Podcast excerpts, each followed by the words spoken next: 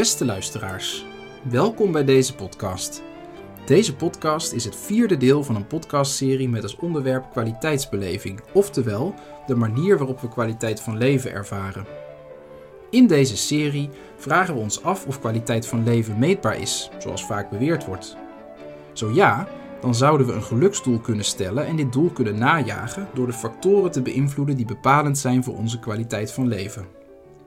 Dit is in essentie wat bedrijven ons beloven als we iets bij ze kopen en wat beleidsmakers proberen als ze bewezen effectief beleid willen maken. In de vorige afleveringen hebben we twee aspecten van kwaliteit van leven ontrafeld die een totaal ander beeld geven. Ten eerste kwamen we erachter dat de verlangens voor de toekomst die mensen ervaren op geen enkele manier te herleiden zijn tot de wereld van oorzaak en gevolg. Ten tweede zagen we dat de wereld en de psyche zo in elkaar zitten dat gebeurtenissen en onze ervaringen daarvan intrinsiek met elkaar verbonden zijn. Elke ervaring is daarom verweven in een web van relaties dat betekenis geeft vanuit verschillende bronnen: sociale duiding, emotionele duiding, sfeergevoel, herinneringen en verwachtingen en ethische duiding. Elk aspect is op zijn beurt uiteraard ook weer gerelateerd aan andere aspecten, waardoor de zoom van betekenis in principe oneindig is. Verlangen en betekenis, ze zijn als wind en water. Fascinerend, maar zijn ze niet te fluïde om belangrijke beslissingen op te baseren? We moeten belangrijke beslissingen in ons leven en in beleid toch kunnen funderen? Om die reden richten verreweg de meeste theorieën, modellen en adviezen over kwaliteit van leven zich op objectieve factoren. Inkomen, werk, participatie, huisvesting, veiligheid, comfort, gezondheid, onderwijs, sociale contacten en vrije tijd. En uiteraard op het subjectieve geluksgevoel, uitgedrukt in een rapportcijfer van 1 tot 10. Deze thema's zijn een globale samenvatting van de studie De Sociale Staat van Nederland, het meest gezaghebbende rapport over kwaliteit van leven dat het Sociaal en Cultureel Planbureau jaarlijks publiceert. Elke objectieve factor krijgt erin een hoofdstuk en het rapport sluit af met een overkoepelend hoofdstuk over het subjectieve geluksgevoel. Laten we dit SCP-model eens toetsen met een gedachte-experiment. Stel, een gewone burger heeft objectieve factoren en haar geluksgevoel redelijk op orde, maar allemaal heel gemiddeld. Ze scoort op alle factoren een 6. Dan doet een techbedrijf haar een voorstel. Zeg, middelmatig persoon, wij bieden jou een permanente virtual reality bril met hersenimplantaat die je leven zo simuleert dat alle factoren, ook je geluksgevoel, van een 6 naar een 9 gaan. En als je bereid bent om al je wilsbesluiten los te laten, dan zorgen we voor een 10. Zou ze het aanbod aannemen? In de roman Brave New World van de schrijver Aldous Huxley regelt de staat dit alles, maar dan in de vorm van biotechnologie, een drogerende gelukspil en een totaalverbod op kunst. Na een tijd schreeuwt een murgeslagen personage: Ik wil geen comfort, ik wil poëzie, ik wil echt gevaar, ik wil vrijheid, ik wil God, ik wil goedheid, ik wil zonde. Huxley zet, bijna een eeuw later, nog steeds het debat op scherp. Sterker nog, het is actueler dan ooit. Bedrijven en overheden werken aan steeds verfijndere technieken om ons geluk te kneden en ons leven te verzachten. Naarmate kunstmatige intelligentie een vlucht neemt, wordt dit alleen maar onweerstaanbaarder. En dat is nog niet eens het grootste gevaar. Het grootste gevaar is dat we gaan geloven dat we een bundel kneedbare informatie zijn. En dat is precies wat serieuze wetenschappers dagelijks op serieuze fora verkondigen. En als dat zo is, waarom zou je je dan niet laten kneden? Een alternatieve sociale staat voor Nederland is de mate van weerstand die we bieden tegen exact dit geloof, zoals de hoofdpersoon van Brave New World dat deed. Maar eerlijk gezegd is er maar heel weinig weerstand te bespeuren. Laten we daarom snel onze zoektocht naar kwaliteitsbeleving vervolgen. Uit de schreeuw van de hoofdpersoon van Huxley zijn verlangen, de goedheid, en betekenis, de poëzie, al genoemd. We gaan verder bij het gevaar, de vrijheid en de zonde, oftewel de mogelijkheden die besloten liggen in het persoonlijke wilsbesluit. Ook bij dit onderwerp is zorgvuldigheid geboden. Ten eerste moeten we het wilsbesluit niet benaderen vanuit de ketting van oorzaak en gevolg. Dat is namelijk een self-fulfilling prophecy, waar niet alleen Huxley, maar ook William James en Ludwig Wittgenstein, die we kennen uit eerdere afleveringen, voor gewaarschuwd hebben. Als je jezelf ziet als gedetermineerd, of het nu is door het noodlot of door je brein, dan ga je je ook zo gedragen. Tegelijkertijd moeten we het wilsbesluit ook niet benaderen vanuit het debat over de vrije wil. Los van het feit dat dit debat oeverloos is, is het gebaseerd op een verkeerde aanname, namelijk dat de mens vrij is om elk levensdoel te verzinnen en na te streven. Zoals we zagen in de tweede podcast, maak je de wil daarmee arbitrair en banaal. Bovendien doet het geen recht aan het feit dat verlangen niet te simuleren of modelleren is, maar zich aandient, omdat het gebaseerd is op de ethiek die buiten de wereld van oorzaak en gevolg ligt. Tja, als dit het wilsbesluit niet is, wat is het dan wel? De stelling van de psycholoog William James is dat het de instemming of afwijzing van onze actuele intenties is. En een actuele intentie is de intentie die we op het ene actuele moment hebben. De bron van een intentie is drievoudig. Ten eerste kan een intentie voortkomen uit de situatie waarin we ons bevinden, het externe web van relaties. Mensen zijn buitengewoon gevoelig voor signalen uit hun omgeving, zelfs voor hele subtiele signalen, zoals veer en bejegening. Ten tweede kan een intentie ontstaan uit gewoonte, het interne web van relaties. Dit is het complexe scala aan instincten, emotionele patronen, associaties, herinneringen en verwachtingen die samen onze persoonlijkheid vormen. Ten derde kan een intentie voortkomen uit een verlangen, in de ethische zin van het woord. Een actuele intentie kan bewust of onbewust tot stand komen, en het wilsbesluit ook. Als het wilsbesluit onbewust is, dan regeren in feite onze gewoonten, die onderdeel zijn van onze persoonlijkheid. Goede gewoonten zijn daarom essentieel voor kwaliteitsbeleving. Het is immers onmogelijk om de talloze beslissingen die we elke dag nemen allemaal bewust te nemen. James besteedt in zijn werk dan ook veel aandacht aan persoonlijkheid en gewoonte. En zijn ideeën hierover geven veel inzicht in de psyche en zijn tegelijkertijd verbluffend praktisch en toepasbaar. De reden hiervoor is dat James zelf als jonge man hevig geworsteld heeft met zijn persoonlijkheid en zijn gewoonte. Hij was depressief, had geen enkel levensdoel en voerde jarenlang weinig uit. Gaandeweg merkte hij dat zijn depressie en lethargie voortkwamen uit zijn overtuigingen, specifiek die ene overtuiging dat de mens een bundel fysieke stroompjes is en dus volledig gedetermineerd. Deze overtuiging, zo besefte hij, was een self-fulfilling prophecy geworden.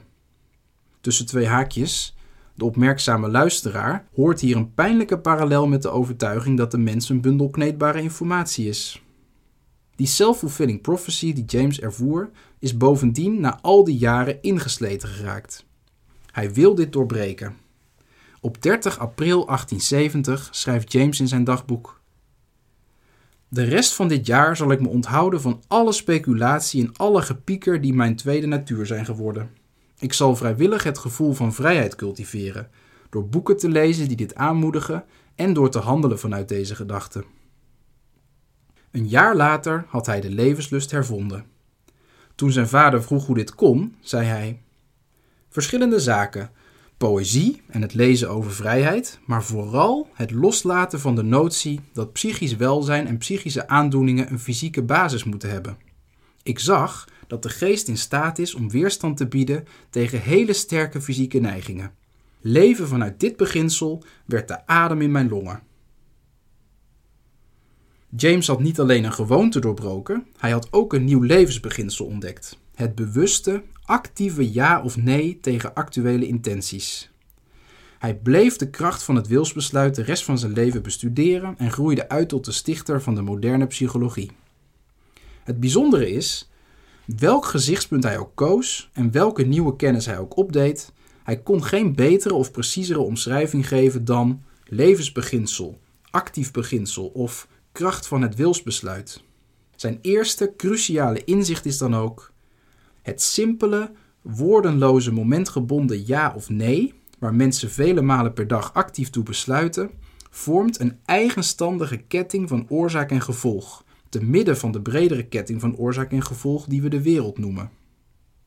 Anders uitgelegd, actuele intenties zijn als het ware de potentie die we voelen. Die potentie herbergt een wereld aan mogelijkheden.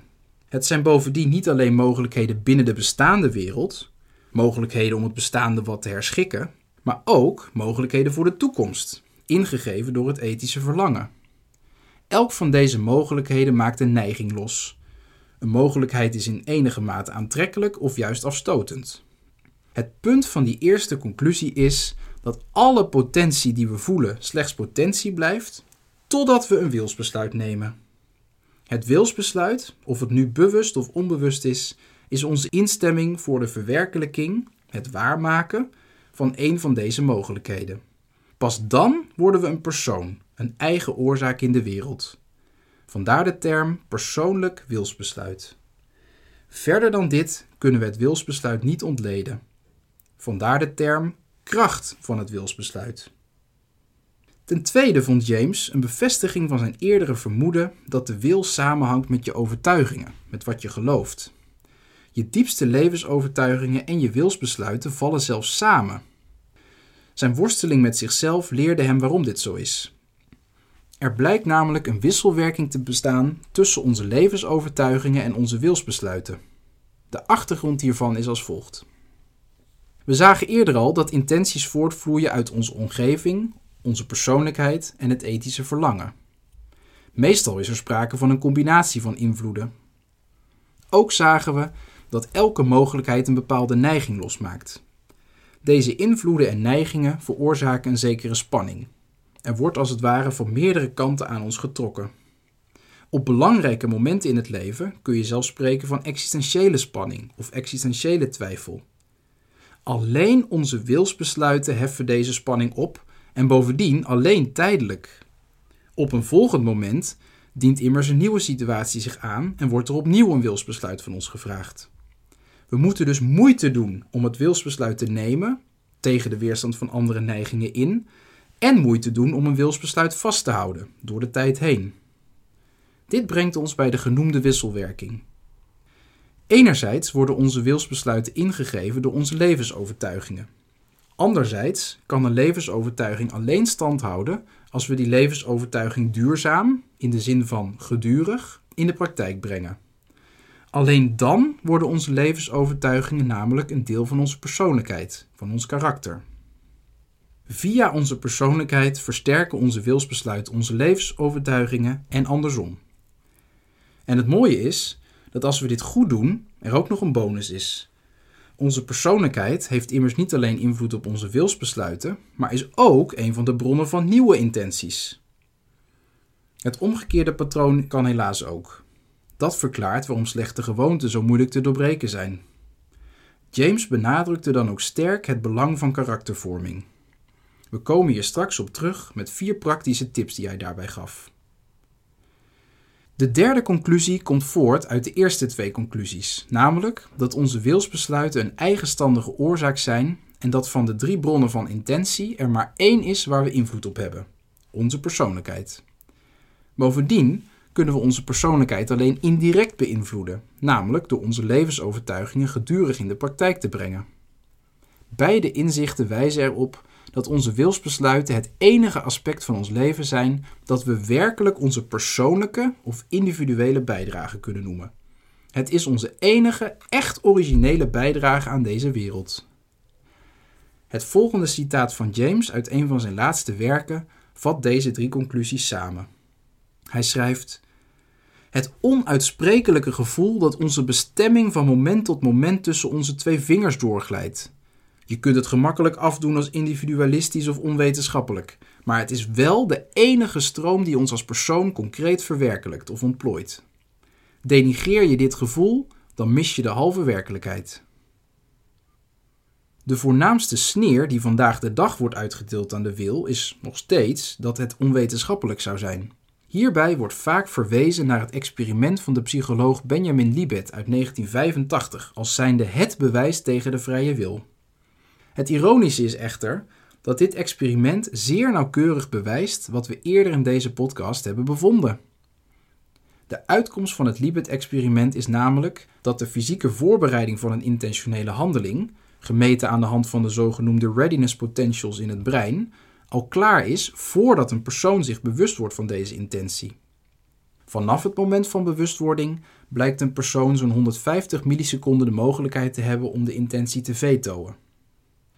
Dit experiment betekent dat de bron of inhoud van onze intenties niet vrij of willekeurig kan zijn, maar dat we wel kortstondig de mogelijkheid hebben om al dan niet in te stemmen met onze actuele intenties. En dat is precies wat James beweerde. Benjamin Libet besluit zijn artikel als volgt. Het is belangrijk om te benadrukken dat deze uitkomsten het potentieel van echte individuele wilsbesluiten niet uitsluiten. Hoewel onbewuste hersenactiviteit het wilsproces initieert en de handeling voorbereidt, blijft de mogelijkheid van bewuste grip op het wilsproces en de handeling zeker bestaan. Daarmee naderen we het einde van deze podcast. Wat nemen we mee uit deze podcast en hoe verhoudt zich dat tot kwaliteit van leven? Ten eerste zijn we na verlangen en betekenis een derde aspect van het leven op het spoor gekomen dat zuiver kwalitatief te noemen is. Dat wil zeggen, een aspect dat reëel is, maar op geen enkele manier te meten is. Dat is het persoonlijke wilsbesluit. Ten tweede hebben we geconstateerd dat onze wilsbesluiten op drie manieren te maken hebben met onze kwaliteit van leven. Allereerst maken onze wilsbesluiten ons tot een persoon, een eigenstandige oorzaak in deze wereld. Dit maakt dat we nooit in zouden moeten stemmen met een passief of virtueel leven, gekneed en verzacht door bedrijven of overheden. Verder zijn onze wilsbesluiten onze enige echt originele bijdrage aan deze wereld. Daarmee maken ze het leven uiterst waardevol.